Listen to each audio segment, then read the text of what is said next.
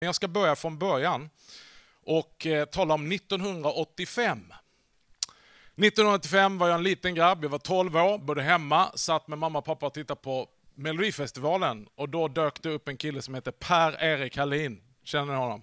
Jag inte känner kanske, men känner till honom. Och då sjöng han låten Morgonluft.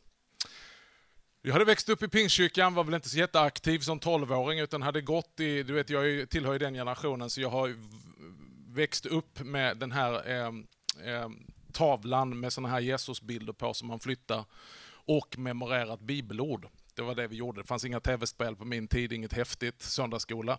Utan Gulli Lindberg, hon var en lantbrukshustru, hjälpte sin man Ivar med lantbruket och så älskade hon barn och la ner hela sitt liv för barn i den här lilla kyrkan.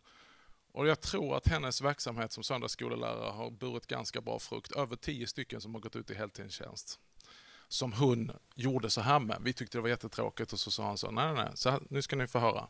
För varje bibelord ni memorerar så får ni en leksakspeng. Då hade hon mig. Och var fjärde söndag så sa, samlar ni ihop hur mycket pengar ni har liksom tjänat ihop och då tar jag hit leksaker och så kan ni köpa loss de leksakerna. Det var små röda liksom så här sportbilar och annat. Och eh, många år senare när jag hade kommit till tro och gått ut i tjänst och blivit predikant så satt jag med mina gamla kamrater som jag hade varit ute och härjat med. För jag växte upp i Pingstkyrkan. Hade inget val, gick dit, fick bibelordet i mig, men så fort jag fick chansen så eh, stack jag därifrån och strulade till med mitt liv och var ute och härjade rejält. När jag sen hade blivit predikant så satt jag ner med mina vänner som jag hade varit ute och härjat med och sa, men är ni inte chockade att jag blev predikant? Nej, så. inte ett dugg. Va? Jo, jo, men det var ju en klassiker. Så fort du var på fyllan så började du citera massa bibelord. Guds ord är levande och verksamt. Guds ord är som regnet, det återvänder inte tillbaka fåfängt utan att det har uträttat vad det var utsänt att göra. Och det där ordet som Gulli Lindberg sådde in i mitt lilla pojkhjärta, det försvann aldrig, utan det hela tiden pockade på, pockade på och drog mig tillbaka. Jag hade aldrig tappat min tro. Jag trodde på Gud hela tiden. Det var, del, det var en del av problemet. Jag visste att Gud var verklig. Jag hade växt upp och sett han göra saker, varit med på bönemöten. Gud var en självklarhet för mig. Men vad som inte var självklart det var att jag skulle följa honom och lyda honom, för jag visste att jag hade en kallelse på mitt liv. Så min strategi det var att om jag går över tillräckligt många gränser och smutsar ner mig tillräckligt så kommer Gud till att komma någon gång till en punkt där han säger honom kan vi inte använda. Han är för smutsig. Men istället så fick jag möta Guds kärlek. Så fort jag gick djupare in i mörkret så var det som att ljuset kom till mig och manifesterade sig mitt i mörkret. Och det var som Gud sa, baby you can run but you can't hide. Så jag fick eh, kapitulera och ge mitt liv till Jesus när jag var 18 år. Men en annan grej som förföljde mig, det var den här sången.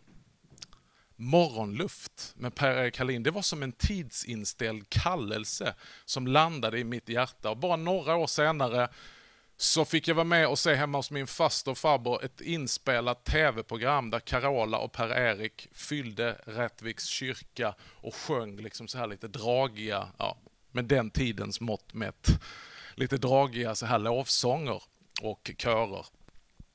Och eh, det där har liksom vaknat i mitt liv mer och mer genom åren som har gått. Därför skulle jag vilja börja att dela med dig den här texten i Morgonluft och liksom försöka fånga, för det ger dig sinnes, sinnebilden. Jag tror det är profetiskt när Per-Erik Hallin, tänk att han fick stå på, stå på Melodifestivalen i Sveriges Television och sjunga det här. Han sjunger häromdagen hade jag en märklig dröm och jag hoppas att vi alla ska få den här drömmen här ikväll. Att det ska bli styrkt. Det finns så mycket problem i vår kyrka, det finns så mycket elände och vet du vad? Jag är rätt trött på alla samlingar där vi bara talar om allting som är, så man kommer in med lite tro och går ut med zero tro, för man har bara hört allt som är eländet.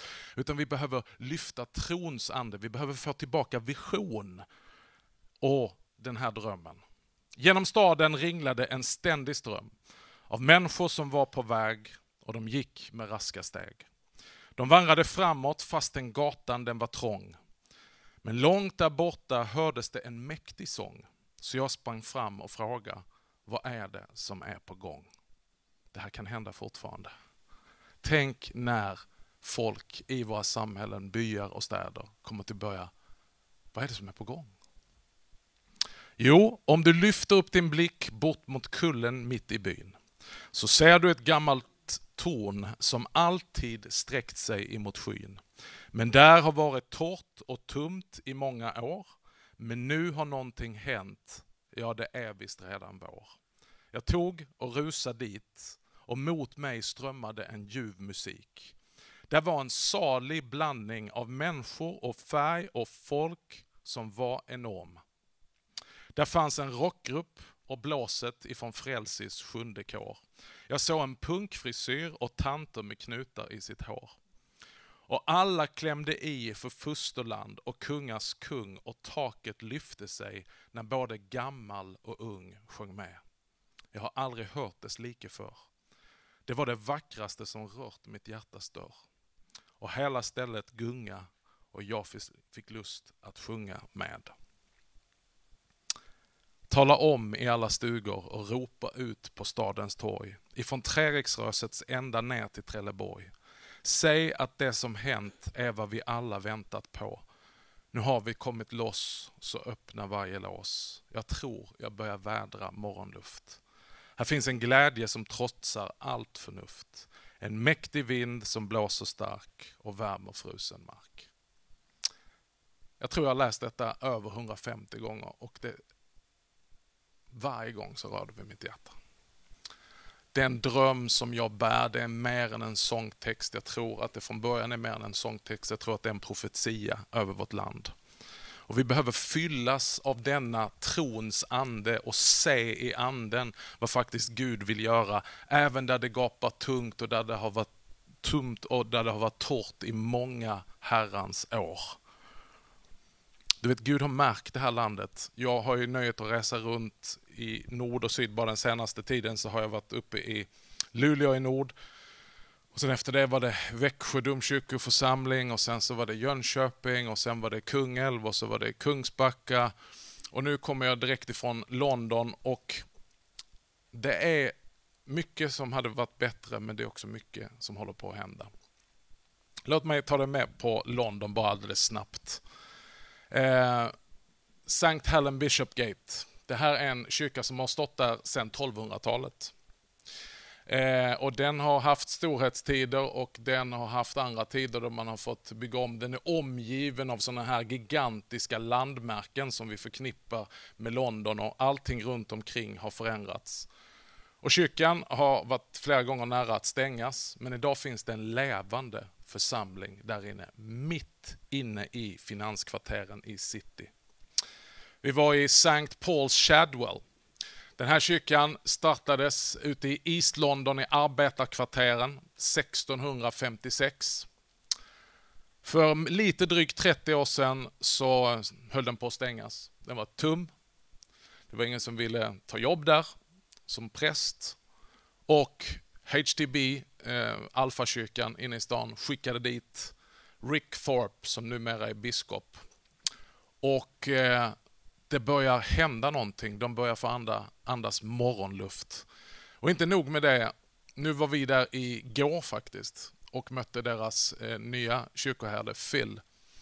Och eh, de senaste 30 åren så är det inte bara så att den här kyrkan har fyllts med nytt liv. Massvis med barn, och ungdomar, och familjer och alla möjliga kulturer och etniska folkgrupper.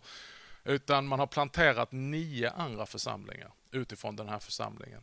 Och bara de tio eh, senaste åren, tror jag han sa, så är det över 20 personer som från den här församlingen har ordinerats och sänts ut i tjänst. Och nu berättar han om två nya församlingsplanteringar som de håller på med i den anglokatolska delen. Det här är en karismatisk församling, evangelisk karismatisk församling som har väldigt liksom inspirerad av HTB. Men nu har man fått ingång in i en anglokatolskt sammanhang där man ska nu hjälpa till att starta om två olika eh, församlingar. Holy Trinity Brompton. Alfa-kursen känner du till, det är därifrån den kommer.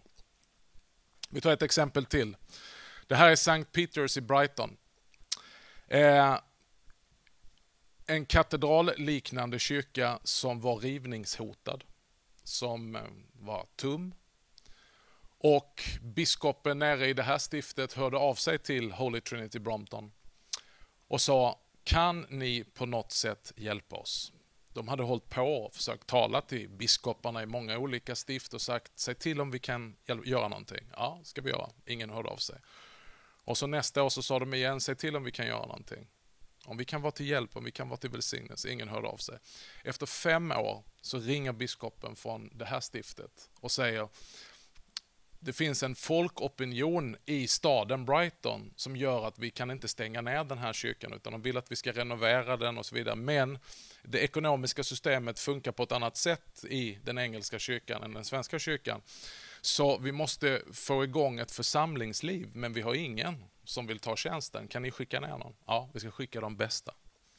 De skickar Archie och Sam Coates tillsammans med 30 ungefär unga vuxna det första de får vara med om i den stängda kyrkan, det är att de möter en ung flicka som har dött på kyrktrappan av en överdos. Det visade sig att området runt omkring där hade blivit ett tillhåll för hemlösa, för drogmissbrukare. Och mitt i smärtan så insåg de att det här är inte en slump, utan det här är Guds hälsning till oss. Det är här vi ska göra vår insats. Gud har visat var vi behövs. De bestämde sig att de skulle ta hand om begravningen, att de skulle kontakta om det fanns någon familj och vänner. Och det blev början till att man bestämde att man skulle göra en fest varje lördagkväll. Så många andra kyrkor gör det jättebra och har soppkök. Men de kände instinktivt vad de här människorna behöver, det är inte bara lite varm soppa som vi står och delar ut, utan de behöver gemenskap. Så vi ska duka med vita dukar och istället för att stå och servera någonstans så ska vi sitta ner med dem och äta en härlig middag. Alltså ha någon sorts lördagsmys tillsammans. Snabbt växte detta till 250 personer. Och du ser bilden hur det ser ut i kyrkan idag. Det har blivit en levande församling som i sin tur har spridit sig ut i andra tumma eller jag tycker inte om ordet döda, men som kan upplevas som döda. Eh, och vi skulle kunna fortsätta berätta berättelse efter berättelse. Och då ska du veta det att tillståndet i Church of England är om än mer prekärt på många olika sätt än vad det är här i Sverige, i svenskt kyrkoliv, om vi tänker Svenska kyrkan eller frikyrkan eller vad som helst. Och därför är det en stor uppmuntran att få ta fasta på sådana här eh, initiativ som inte bara är visioner utan man har fått se morgonluft. Och det är lite det som jag hoppas kunna förmedla här ikväll. Känns det okej? Okay? Jag har ju rest som resevangelist i pingströrelsen och frikyrkan och då stöter man på sådana här garvade resevangelister som varit runt och man får höra så många historier så man vet inte vad som är sant och vad som är påhittat. Men oavsett så finns det en historia bland många av de här som har rest runt som riksevangelister att det fanns en gammal frum, härlig, andefylld dam på ett ställe i Sverige. Och hon fick man aldrig ett negativt ord av. Så det blev liksom en inofficiell tävling bland alla de här predikanterna och evangelisterna att man skulle hem till henne när man hade kampanj och käka lunch. Under lunchen så skulle man tävla och säga vem kan få henne att säga någonting negativt. Det är i alla fall lite ofördelaktigt. Det låter inte så frumt. Men så var det i alla fall, eller om det är en skröna. Och eh, då berättas det att de här evangelisterna, de hade verkligen satsat. Det var så många som hade varit hemma hos henne. Nej då, det är ingen som hade lyckats. Men de har bestämt sig, vi ska lyckas. Så man börjar lite sakta under lunchen och ta upp liksom lite så här svårigheter som fanns i församlingen och hur det är i kristenheten och hur det är ute i samhället. Och man försökte med den ena efter den andra och frustrationen steg för att hon var så positiv. Hon kunde plocka fram någonting positivt med vem man än nämnde. Så till slut så är det en av evangelisterna som tappar humöret och säger Ja men djävulen då! Han har det väl inte mycket positivt att säga om? Då log hon med sitt frumma leende och så sa hon, ja, säga vad man vill om själafienden, men han ligger i.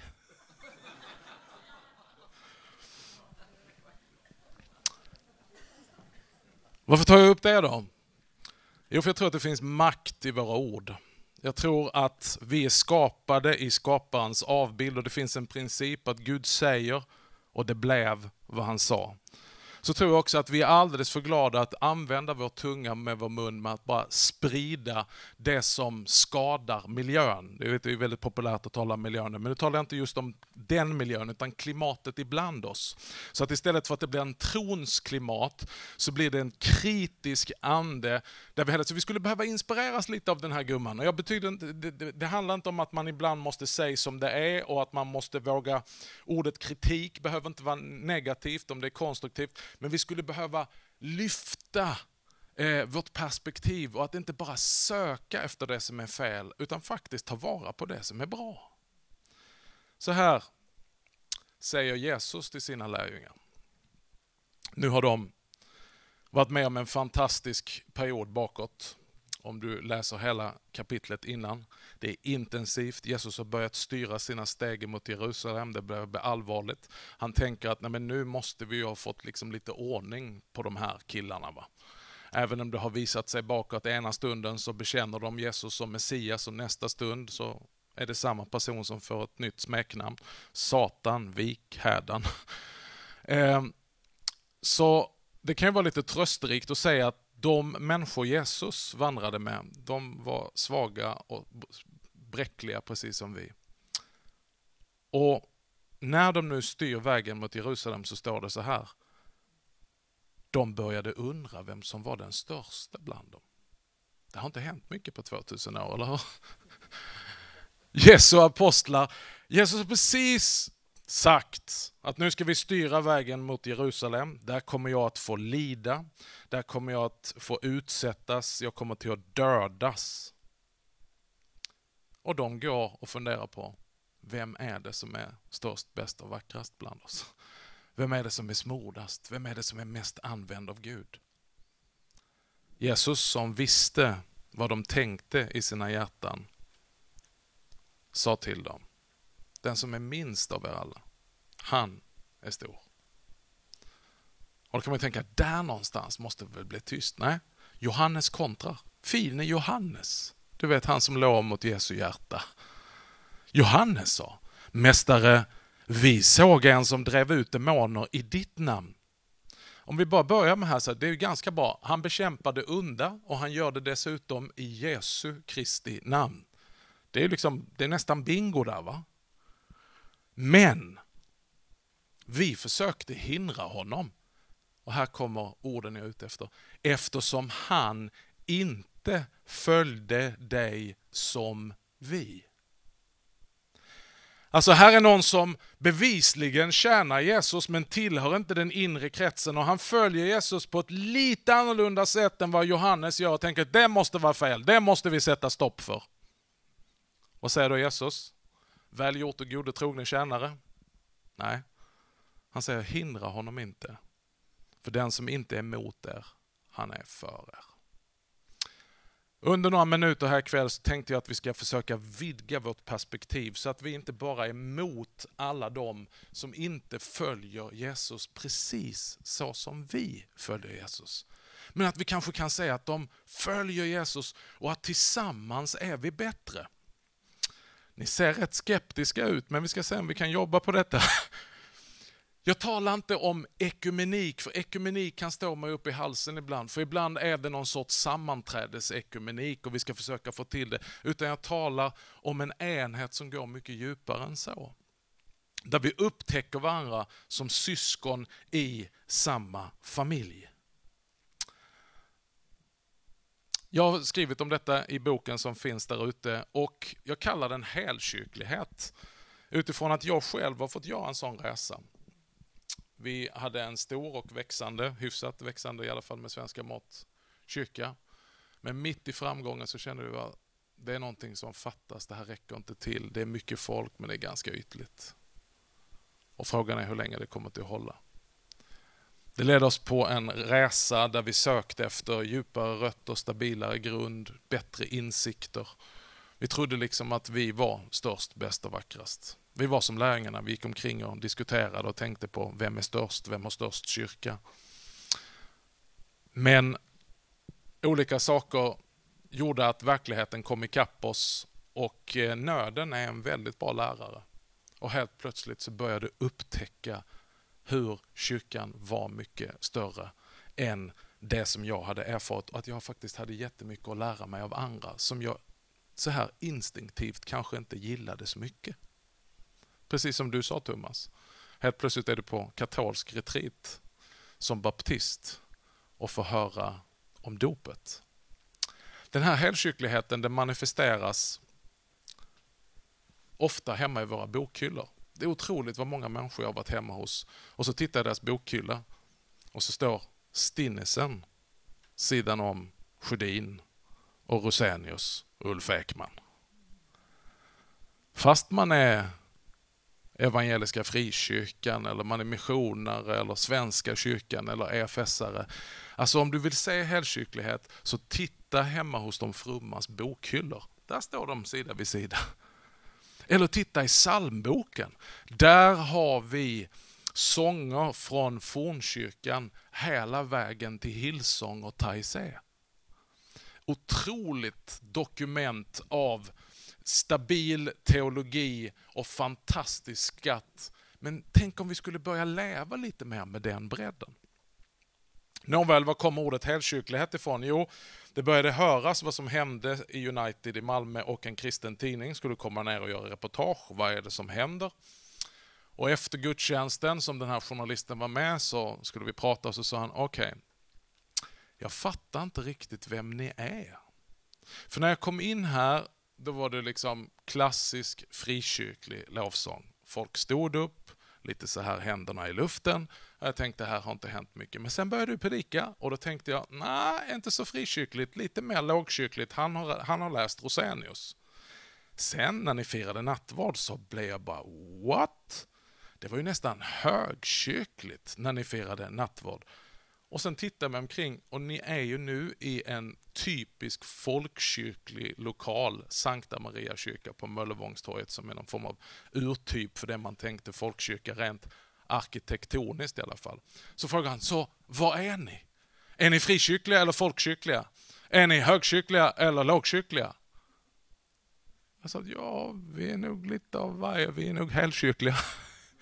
För jag hade upptäckt sådana rikedomar i arvet som jag själv kommer ifrån och som jag är så tacksam för och som jag ska försöka lyfta fram.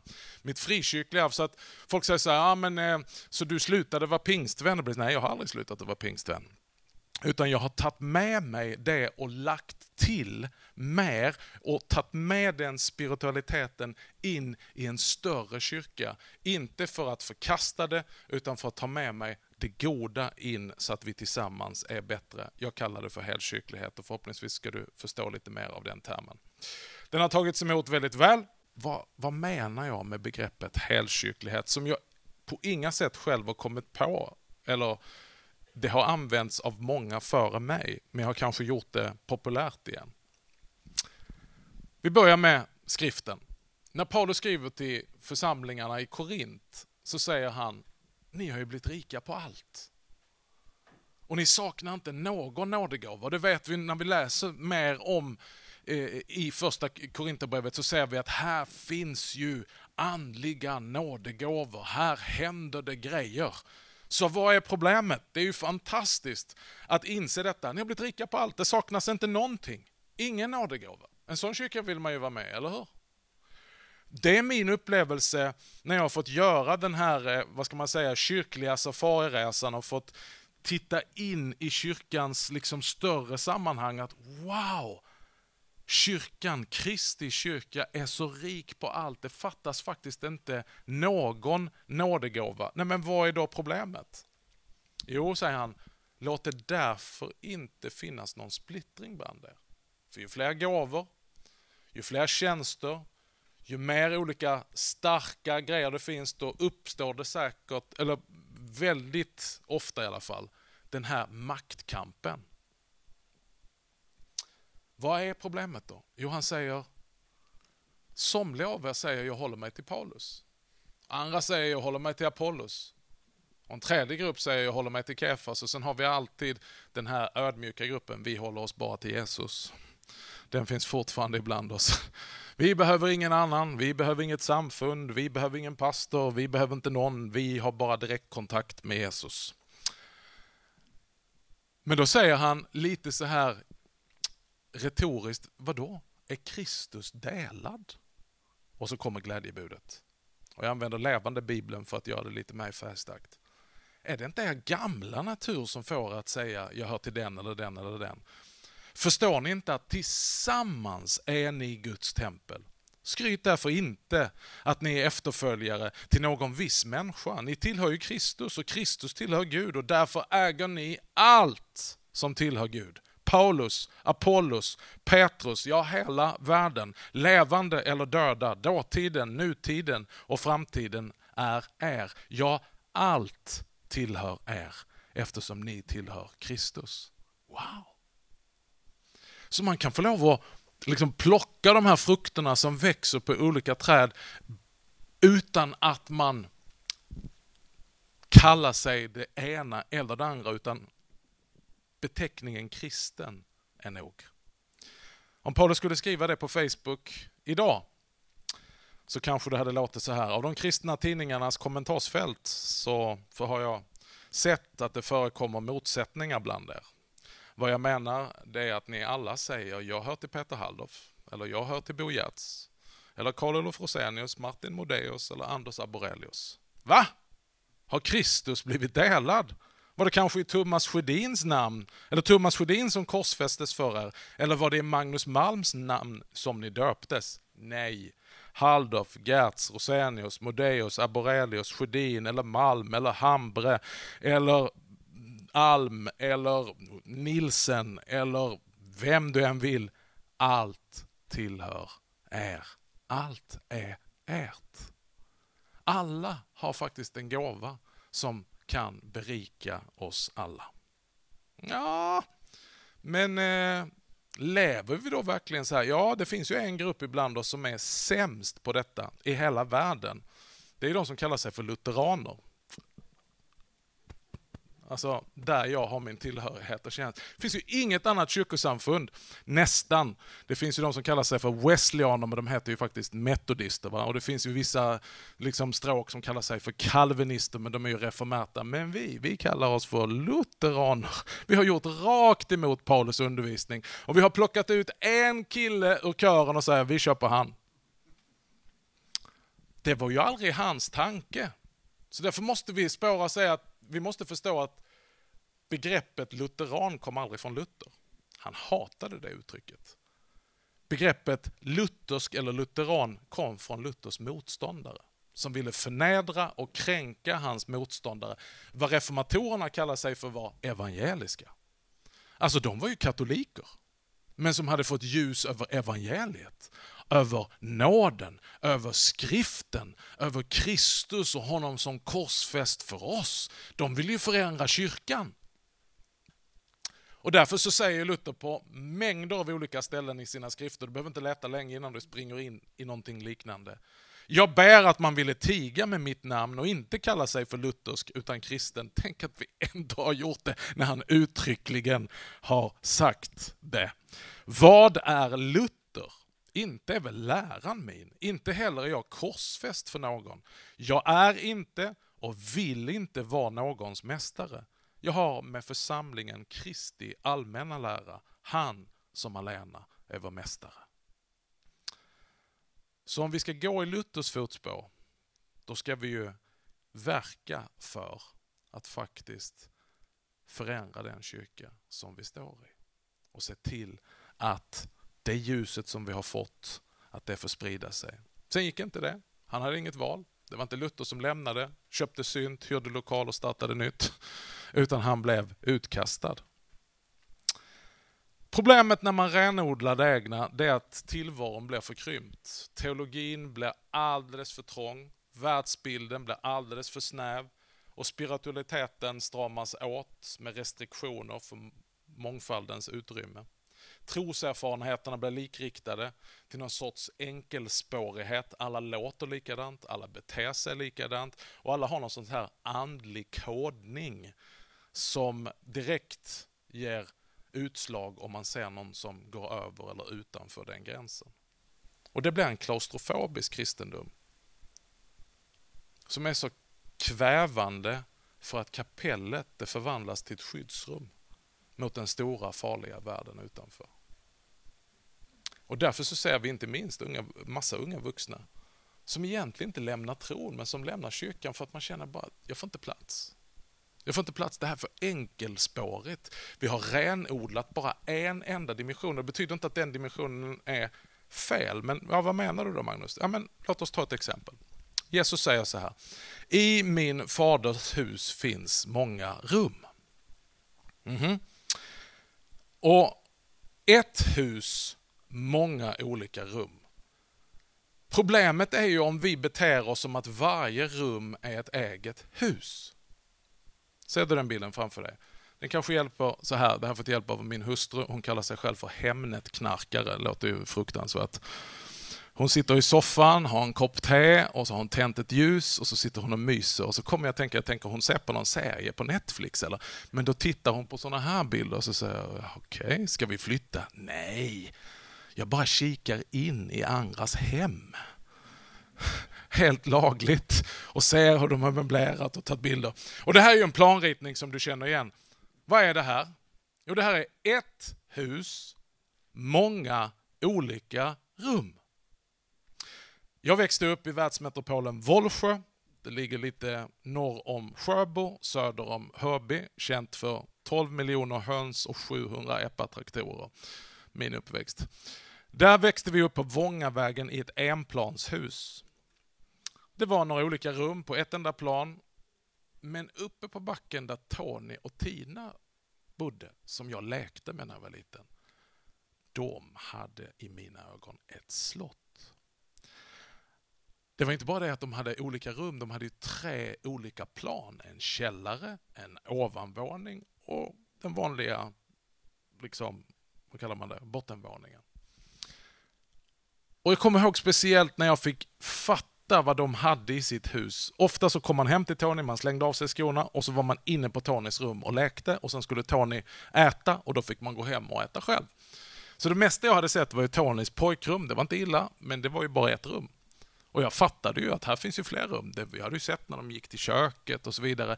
Men nu var vi där hemma och Tina hade ansvar för mig och Tony och vi kunde gå runt i hela huset. Oj, vad jag upptäckte häftiga rum. De hade mer än ett badrum till exempel. Och nere i källaren, hör på detta, alltså nu snackar vi 70-tal va. De hade pool inomhus i källaren.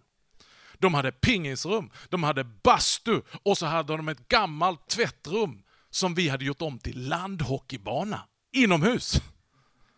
Massa olika rum under ett och samma tak. Alla rum var ju inte likadana. Om vi tittar nu här så ser vi att här finns många olika rum men som tillsammans utgör ett hus. Här finns sovrum, det betyder inte att nu måste alla bli sovrum. Nej men vad händer då med tv-rummet? Det heliga tv-rummet, eller ska vi kalla det vardagsrummet. När jag levde i ett sånt här hus och växte upp så hade jag mitt pojkrum. Mitt pojkrum kunde jag liksom till viss mån inreda själv. Jag fick ha mina okej-planscher på väggarna av rockartister. Eh, vissa fick jag inte sätta upp för mamma, de var lite för utmanande. Eh, men, men jag kunde liksom fixa och dona, men det var det. Jag kunde inte bygga om rummet, men jag fick lov att lite inreda det. Men jag är ju så glad att jag också hade tillgång till de andra rummen. För vet du vad straffet var när Magnus Persson hade gjort något dumt när han var liksom sex år? Gå in på ditt rum. Stanna på ditt rum. Alltså det var ju ett straff, det var inte en belöning, så bara yeah, jag får vara på mitt rum. Utan det betyder ju, nu är inte köket tillgängligt, det betyder, då är inte frysen med glasspinnar tillgängligt, kylen är inte tillgänglig, tv-rummet är inte tillgängligt och det här var ju på den tiden då inte alla hade 73 skärmar på sitt eget rum. Så att det var ju ett straff att få bara hålla sig begränsad i sitt eget rum. Men åh, vilken välsignelse att ja, jag har mitt rum. Där är mitt pojkrum, men jag kan också gå till köket. Jag kan gå till badrummet när jag har behov av det och det är jättebra att man inte behöver göra allt i samma rum. Come on somebody. Att jag kan få gå in i tv-rummet och så vidare. Det finns en förråd, det finns garderob och det finns till och med garage. Tänk om vi skulle börja tänka kyrkan så lite grann. Men risken är ju att vi gör alla rum likadana. Så, så fort någon har upptäckt en ny tradition, så de har gått in i köket, då bara, nu ska alla rum bli kök. Varför ska vi ha massa kök? Det räcker väl att ha ett kök? Ja, vi kan ju ha ett pentry i källaren liksom. Men... Eller så har någon varit på badrummet och sett nya andliga klinkers, förstår du min bild va? Och så kommer de hem efter den konferensen eller besöket. Nu ska alla rum bli badrum. Nej, men varför ska, då förlorar vi ju någonting. Badrummet är ju väldigt praktiskt att uträtta sina behov på, ta en dusch och så vidare. Men det är inte lika skönt att kanske käka i badrummet eller sova i badrummet. Utan vi behöver olika rum. Och tillsammans gör alla dessa rum ett gemensamt hus. Problemet är att varje gång en ny väckelse har kommit och skapat ett nytt rum, så har man tagit det rummet och flyttat ut det ur huset. Och så har det blivit ett litet ynkligt hus med ett rum. Tänk studentlya. Där gör man verkligen allt i ett rum. Det är problematiskt. För att vi får massa småhus istället för ett hus med många olika rum. Eller som man skulle sagt i fornkyrkan, en katedral med många olika kapell. Och Jag skulle vilja beskriva detta med att säga att inte tänka antingen eller utan våga tänka både och. Och nu låter det jätteflummigt och du tänker, ja men det där låter ju lite utvattnat. Nej men låt oss läsa ett väldigt viktigt centralt bibelord för vår tro. Vi bara tar det som exempel. I Johannes evangeliets första kapitel och fjortonde vers. Ordet och på grekiska heter kai. Och om du läser den grekiska bibeln så kommer du att stöta på detta ord och, kai, om och om och om och om igen. Ordet och, om du tänker på det, det är brobyggande. Det är inte punkt, utan det utökar någonting. Han var lång och ståtlig. Men om det skulle vara punkt efter lång så ja, han var lång. Ja, vem är inte lång? Men han var lång och tjock. alltså, med och så öppnar du en vidare värld. Och det är vad Johannes gör här. Och Han har ju börjat redan från början, så vi skulle kunna ta med flera stycken. Men jag skulle vilja bryta ner detta för att ge dig ett exempel. Och ordet blev kött och bodde ibland oss och vi såg hans härlighet, den härlighet som den enfödde har från Fadern. Och han var full av nåd och sanning. Wow! Det är inte enkelspåret det här, utan det finns dimensioner. Så vad menar jag med detta då? Jo, vi börjar. Och ordet. Så många av oss kommer bara dit. Ordet. Yes. Skriften. Det finns ju traditioner och det här är viktigt. Det här är oerhört viktigt. Så ingenting är antingen eller, eller något är dåligt eller det andra är bra. Utan tvärtom, det är både och. Men varför är det många av oss som bara stannar där? Det handlar bara om ordet. Det är predikoorienterad kyrka. Ja, det behövde det bli när Luther reformerade och det är väldigt många kyrkor idag där vi skulle behöva reformera vårt predikoliv. Så vi behöver ordet, men det finns mer. Om vi tittar i vissa kyrkor som är denna evangeliska tradition, vad är det som står centralt? Det första man ser? Talarstolen. Allt kretsar kring talarstolen. Och det mesta vi gör i gudstjänsten, det träffar här. Va? Nu menar jag att ordet är levande och det kan också träffa här, men om vi bara tänker att det, det är väldigt kunskapsintensivt. Det är liksom föreläsning, det är bibelstudium. Vi behöver en dimension av tron som är rationell. Där vi kan förklara och ge goda skäl för vår tro. Men om vi bara har en huvudtro, då har vi bara en dimension, utan det måste också bli hjärtats tro. Så att ordet når in i vårt hjärta genom örat och sjunker ner. Och kanske också, om vi tar ett annat ord för det rationella, så skulle vi behöva lite mer av det emotionella. Men det räcker inte bara att ha huvud och hjärta, för ibland är det stopp i huvudet och det är stopp i hjärtat. Och då har jag fått upptäcka, inte bara huvud och hjärta, utan händernas tro. Det rituella. Och så ofta så spelar vi ut detta mot varandra. Antingen är man rationell eller rituell eller emotionell och så har vi renodlat de olika traditionerna. Men varför antingen eller? Varför inte alltihop? Huvud, hjärta, händer. Men här har vi ordet, men det fortsätter ju det här bibelordet, eller hur? Ordet blev kött. Jag har det som vi skulle kunna kalla för, inte bara, men nu, nu generaliserar jag, det katolska. Så istället för att betona skriften så betonar man det sakramentala och en god skapelseteologi, att det handlar inte bara om orden, utan att inkarnationen, att Gud kommer till oss genom konkreta elementa, materia, att upptäcka och se Gud i skönheten, det vackra. Ja, det är många evangeliska traditioner som skulle behöva vidga sitt perspektiv där. Eller hur? Inte i skenen naturligtvis, men på andra ställen du vet om. Så att det är inte bara ordet, utan ordet blir kött, det blir gripbart för oss, konkret, i sakramenten, i dopets vatten, som Thomas nämnde här, men i brödet och i vinet på altaret, men också en sakramental syn på livet. Men det stannar inte där, utan och bodde ibland oss. Här har vi de frikyrkliga, eller karismatikerna, ska vi säga det. Att ja, ja, ja, ni kan hålla på med ordet och ni kan hålla på med sakramenten, men ni måste fatta Gud är här mitt ibland oss NU! Jag bara skulle väcka några stycken av er. Han rör sig, han är här mitt ibland oss. Guds närvaro. Och jag är så tacksam att jag kommer från den traditionen. Jag tar den med mig rakt in i Svenska kyrkan. Vi håller mässa innan välsignelsen. Då talar vi ut kunskapsord, vi skickar med profetior. Och så, va? Kan man göra det? Ja, varför inte? Är det någonstans det passar så det är jättebra. Karismatik i en god liturgi, då spårar det ju inte ut och blir någon liksom sjuk grej.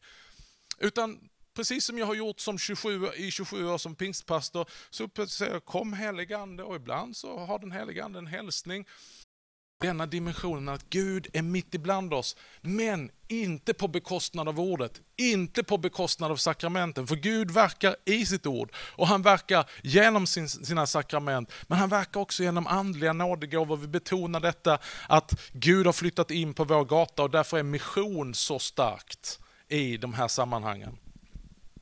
Men det fortsätter. Vi såg hans härlighet. Det här skulle vi kunna tala om bara för att få med några olika den ortodoxa traditionen som talar om den gudomliga liturgin och gestaltningen. Ehm, en berättelse som jag har hört, jag vet inte om jag kan återberätta den helt eh, hundraprocentigt, men en, ehm, en man som har en dotter och han är verksam i en, ett kyrkligt sammanhang där de använder mycket av de här sinnliga uttrycken för att liksom gestalta Guds härlighet och bland annat rökelse. Har ni det ofta här på era? eh, och eh, det har ju nästan alla hemma nu för tiden, så det, det, det, är så intressant att vi blir så otroligt känsliga. Jag säger inte nu att ni måste ha rökelse, det är inte det jag säger, chill out.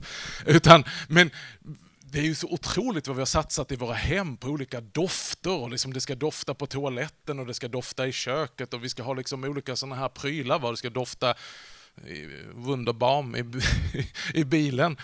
Men den här prästen, hans lilla dotter, de är verksamma i en kyrka där de har rökelse. Sen var de ute och reste och så kom de till en bokhandel. Av någon konstig anledning så hade de tänt rökelse i bokhandeln. Och då tar den här lilla flickan pappas hand och sa Pappa, här inne luktar det Jesus. Tänk att det hon hade... Alltså vi, du och jag, vi skulle ju kunna säga du vet när man är ute och reser som vi eh, har gjort nu med hela avdelningen och, och, och, och mm, någon ska in och handla i en butik som jag inte brukar så kommer man in och så bara mm, Wow, det luktar jul här inne. Fast det är mars. Ett sånt exempel. Vi har ju olika dofter som påminner oss om någonting. Ah, det luktar jul. Eller det luktar farmor. Eller det luktar hemma. Har du märkt det? Än idag när jag kommer hem till min pappas gård som vi håller på att sälja nu för han gick bort hastigt i somras. Så, så kan jag bli så här tårfylld eh, bara för att det luktar pappa. Allting där inne luktar pappa. Det är ett av de starkaste sinnena som vi har, men också synen och hörseln och känslan och smaken. Tänk att vi har bara skippat alla de sinnena. Vi har bara sänt på en kanal. Men du vet om vi inte kan fånga det på en kanal, vad fantastiskt. Det är ungefär som Sveriges Radio. Va? De har ju både P1, P2, P3 och P4. Allt, alltså någon kanal träffar någon. Va? Men det är en och samma, det är Sveriges Radio. Men P1 har ett, alltså där har du igen, ett hus, många olika rum.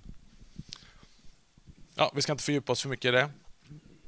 Sen kommer ju någon kverulant mitt här i, i, i, i liksom versen. Va? Så, ja, men den härligheten som den enfödde har från Fadern, och ska vi tänka, alltså allt flöt så fint och sen så helt plötsligt blev det lite fyrkantigt nu. Ja, ja, ja, skitsamma. Men nu har teologerna kommit in här. Va? Akademi, behöver vi det? Ja, här är det liksom viktigt att få rätt dogmatik på sakerna för att vi ska förstå vad var det för någon härlighet? Var kom den ifrån? Och sen har vi en annan grupp. Och han var full av nåd. Där är det många som stannar. Det är de som har sina reformatoriska rötter, där det är fokus på försoningen, det är fokus på förlåtelse och det är fokus på frikännande. Men om vi bara talar om nåd, då blir till slut nåden billig. Så därför så behöver vi nästa grupp. Och sanning. Och därför har det ur alla de här evangeliska rörelserna uppstått radikala väckelserörelser. Som talar om vad då? ja inte bara nåd utan omvändelse, lärjungaskap, efterföljelse. Om vi nu skulle köra alla de här i pris och säga till dig, vilken av dem vill du ha? Så skulle du säga, men vi behöver nog allihopa, eller hur? Det är det jag säger, helkycklighet, köp boken. vi behöver fullheten, för ibland så fångas vi av någonting eh, och, och, och liksom jag, jag, fick ju möta den här otroliga nåden, jag som är en sån otrolig prestationsmänniska och som hade satt så höga ideal så att jag skulle leva upp till myten om mig själv och bara sprack och sprack och sprack och sprack och sprack. Och insåg bara, oh, hur ska det gå med mig? Jag hade konstant fördömelse, började ljuga, började hyckla och så fick jag möta god roseniansk luthersk nådesförkunnelse som jag aldrig har hört för. Du vet, det var som, det var som att gå på spa. Det var som att vara på andligt spa. Man, jag bara låg i nåden och njöt tills jag blev helt, du vet hur det blir om du är på spa för länge, va? du blir helt skrynklig. Man, man kan inte bo på spa, alltså det, det går inte. Va? Det, det, det, känns som att det bara, det är bara dofter och liksom du är helt skrynklig som ett russin. Och efter ett tag så insåg jag att ja, här finns ju nåd, men det är precis som att det är en begränsad syn på nåden, att sen händer ingenting efter det. Och så fick jag i nådens, rotad i nåden också möta sanningen. Och ta till mig omvändelse och efterföljelse. Vad är hemligheten då? Ja, innan vi slutar här ikväll. Tack för att ni lyssnar. Det är mycket att ta in. Paulus, han har ett helkyrkligt bibelord där han säger Då ska ni tillsammans med alla de heliga kunna fatta bredden och längden, höjden och djupet. Och så lära känna Kristi kärlek som går långt utöver vad någon kan förstå. Så ska ni bli helt uppfyllda av Guds fullhet, helkyrklighet, tillsammans med alla de heliga. Kristendom är inget soloprojekt. Det är ingenting som vi kan klara på egen hand. Utan vi behöver varandra i församlingen, vi behöver varandra, varandra bröder och systrar. Men vi behöver också lära av de som har gått före oss, de som finns i olika andra sammanhang, så att vi ska fatta fullheten, höjden och djupet, bredden och längden. Jag brukar säga att det är som en enda stor kör, det här är en gammal ikon, den syns inte så bra. Men med hela den himmelska härskaran, alla de som har gått före oss. Det är som en enda stor kör som, som sjunger till oss Problemet är att vi alldeles för ofta plockar ut en ur kören, må det vara Luther eller må det vara Waldenström eller må det vara någon annan, Ångman, och så plockar vi ut en och så säger vi vi vill bara höra hans soloparti. Men ingen av de som har gått före oss funkar bäst som solist, utan de funkar bäst i kören. För ett one man band, brukar man säga, leder ofta till ett one hit wonder. En hit och aldrig mer någonting annat. Så vi måste ta till oss kören. Och Då skulle jag vilja avsluta med att bara lyssna lite grann på den här kören utifrån ett svenskt perspektiv och kanske lite internationellt. Men varför jag har fastnat för Rosenius och EFS, därför att eh, Rosenius på den tiden, han var ju tydligt helkyrklig och de spåren finns kvar i EFS. Det vill säga att man tog till sig det bästa av de frikyrkliga väckelserna utan att flytta ut ur kyrkan. Det smälte, han smälte det lutherska arvet samman med inslag från pietism, hanhutism och metodism, alltså de rörelser som var i svang på 1800-talet. Han lärde av dem, han arbetade till och med tillsammans med dem, men utan att sticka iväg med dem, utan ta in det i den kyrka som behövde förnyelse, lika desperat på 1800-talet minst som det behövs nu. Här har vi en annan helkyrklig snubbe Bo Giertz, han skrev det redan 1949 i sitt herdebrev, Detta är det tredubbla arvet som vi har att förvalta. Fornkyrkans, reformationens och väckelsens. Här har vi en annan ärkebiskop, Yngve Briljot på 50-talet. Låt oss med frimodighet röra oss i hela den allmänneliga kyrkans rika skattkammare och ur den hämta allt som kan leda till församlingens uppbyggelse i evangelisk anda. Wow! En ärkebiskop som sa det.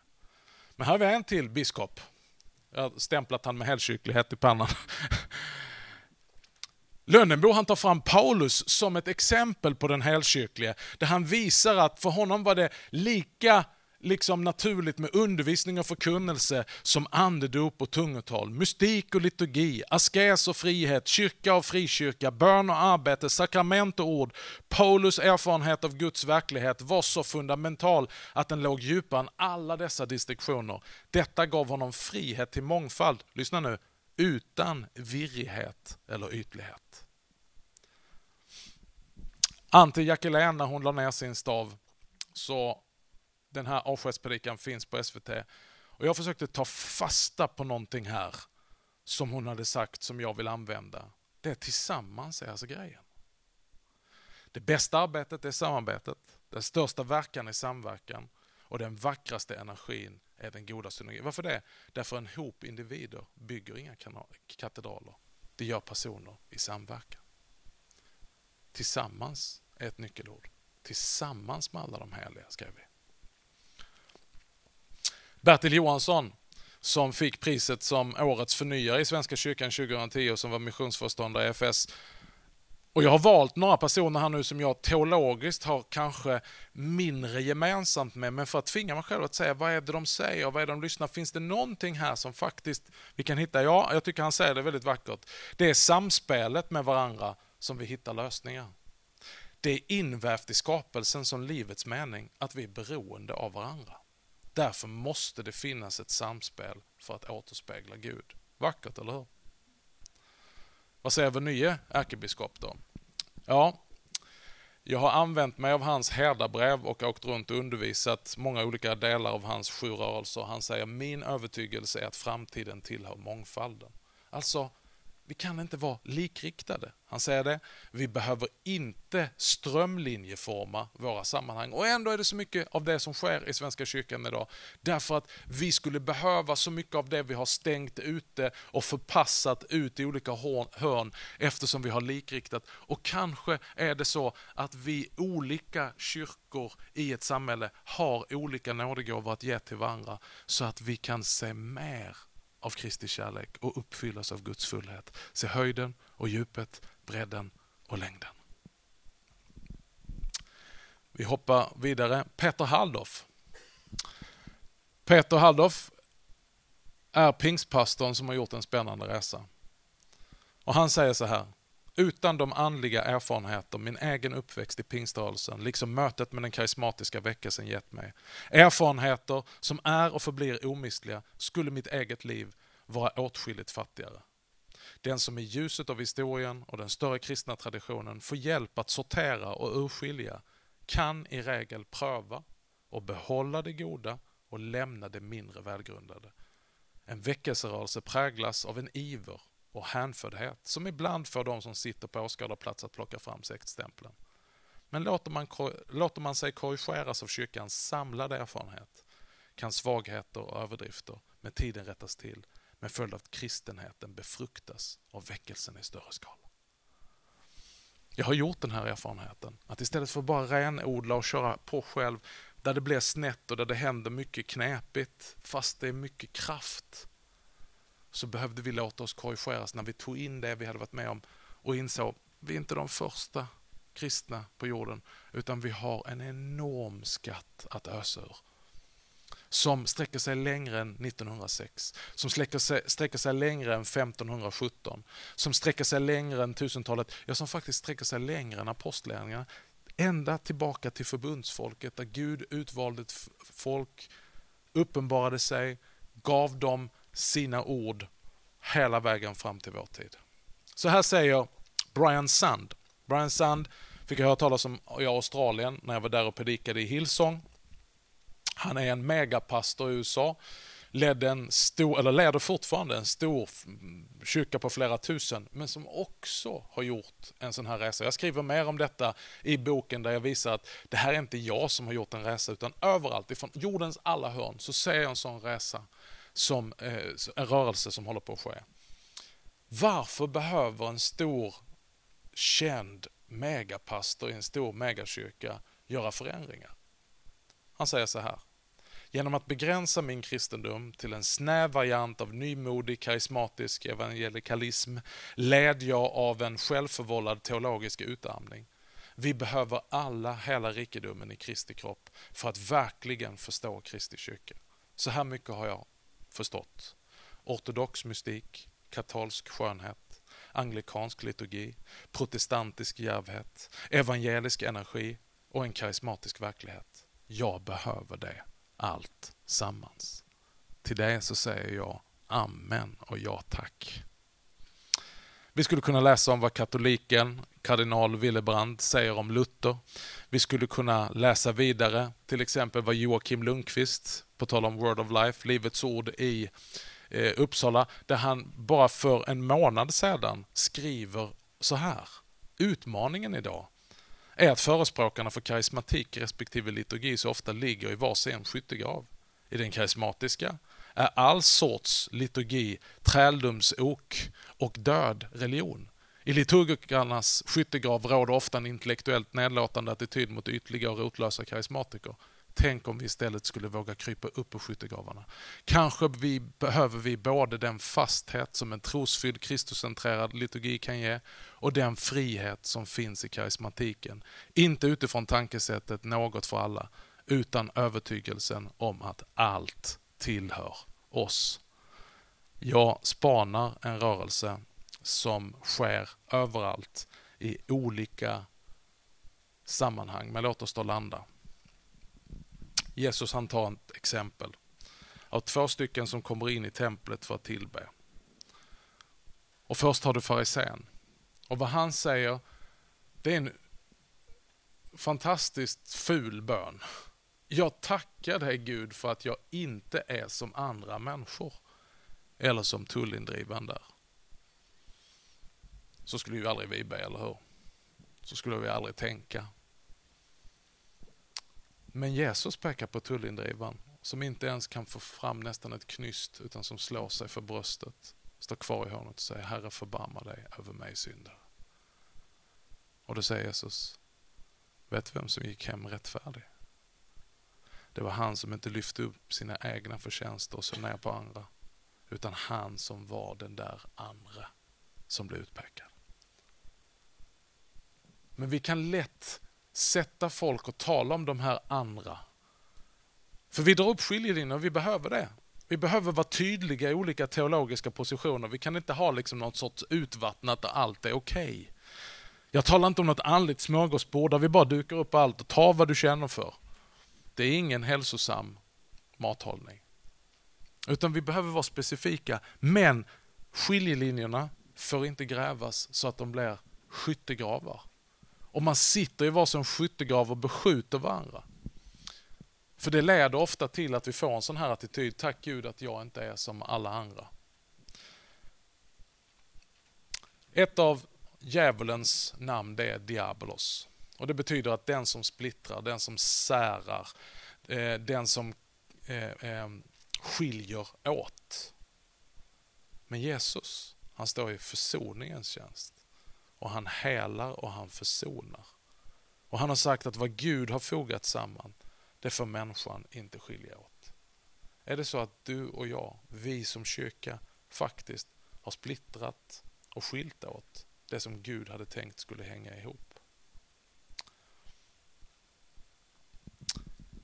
Jesus tar fram ett exempel Och han säger, en skriftlärd som har blivit ett himmelrikets lärjunge.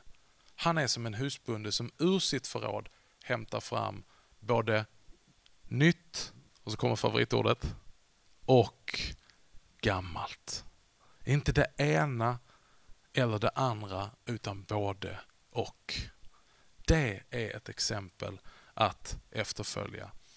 Inte antingen eller, utan både och.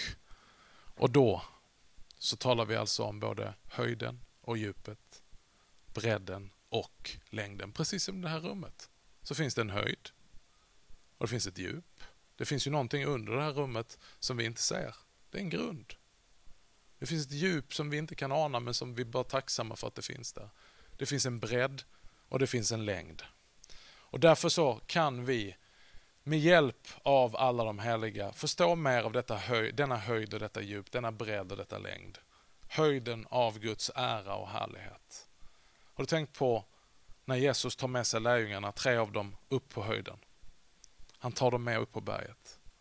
Vi behöver kyrkor som kan ge oss det och visa oss vägen hur man kommer upp och får se Jesus förvandlad. Där vi får se ljuset, vi får se Guds härlighet. Men vad händer om de har varit på berget? Ja, hade Petrus fått bestämma då hade de ju stannat där uppe på höjden, eller hur? Här är nice, här bygger vi kojor, här stannar vi. Men Jesus gick inte bara upp för berget med dem, utan han gick ner i den djupaste dalen. Och vad är det första de får möta där? En demonbesatt pojke. Och Jesus säger, för din son till mig. Kanske är det ett ord till någon av er här ikväll. Kanske du har ett barnbarn eller ett barn och du har försökt, precis som denna pappan. Han kom med sin son till lärjungarna men de kunde inte hjälpa honom.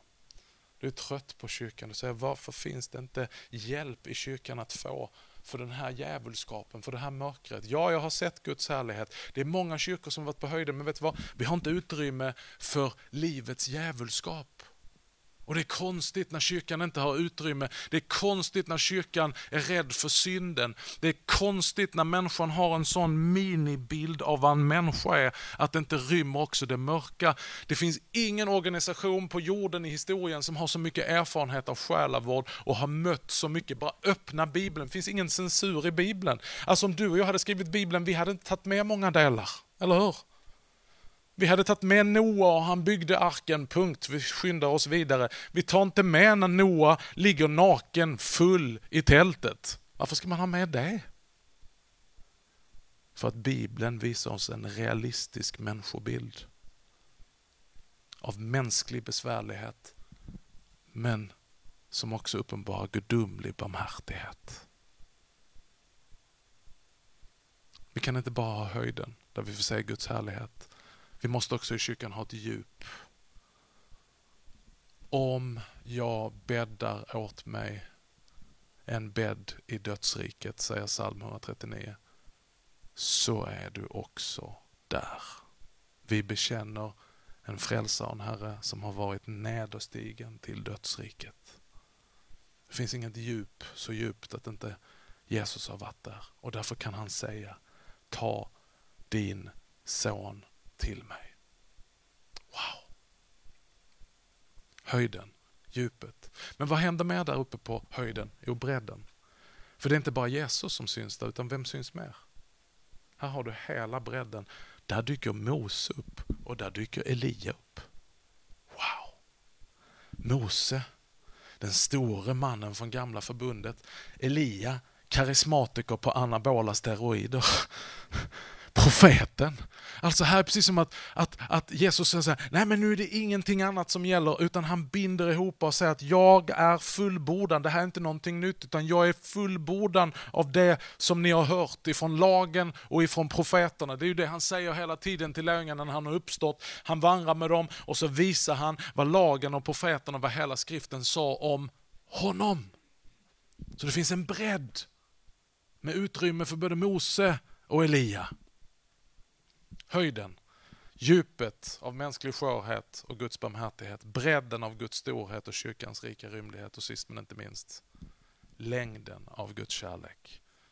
Missionens akuta nödvändighet. För när vi har fått höjden, djupet och bredden, vad ska vi då göra?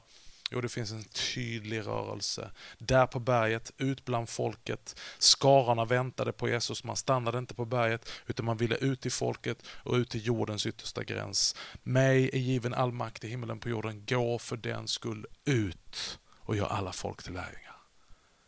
Du vet, hela Bibeln är en enda lång reseskildring. Först ett folk som reser för att hitta hem.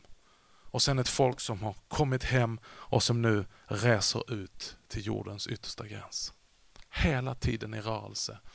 Den kyrka som inte lever mission, den kyrkan är inte i funktion. Höjden och djupet, bredden och längden tillsammans med alla de heliga. För tradition, det behöver förnyelse för att leva.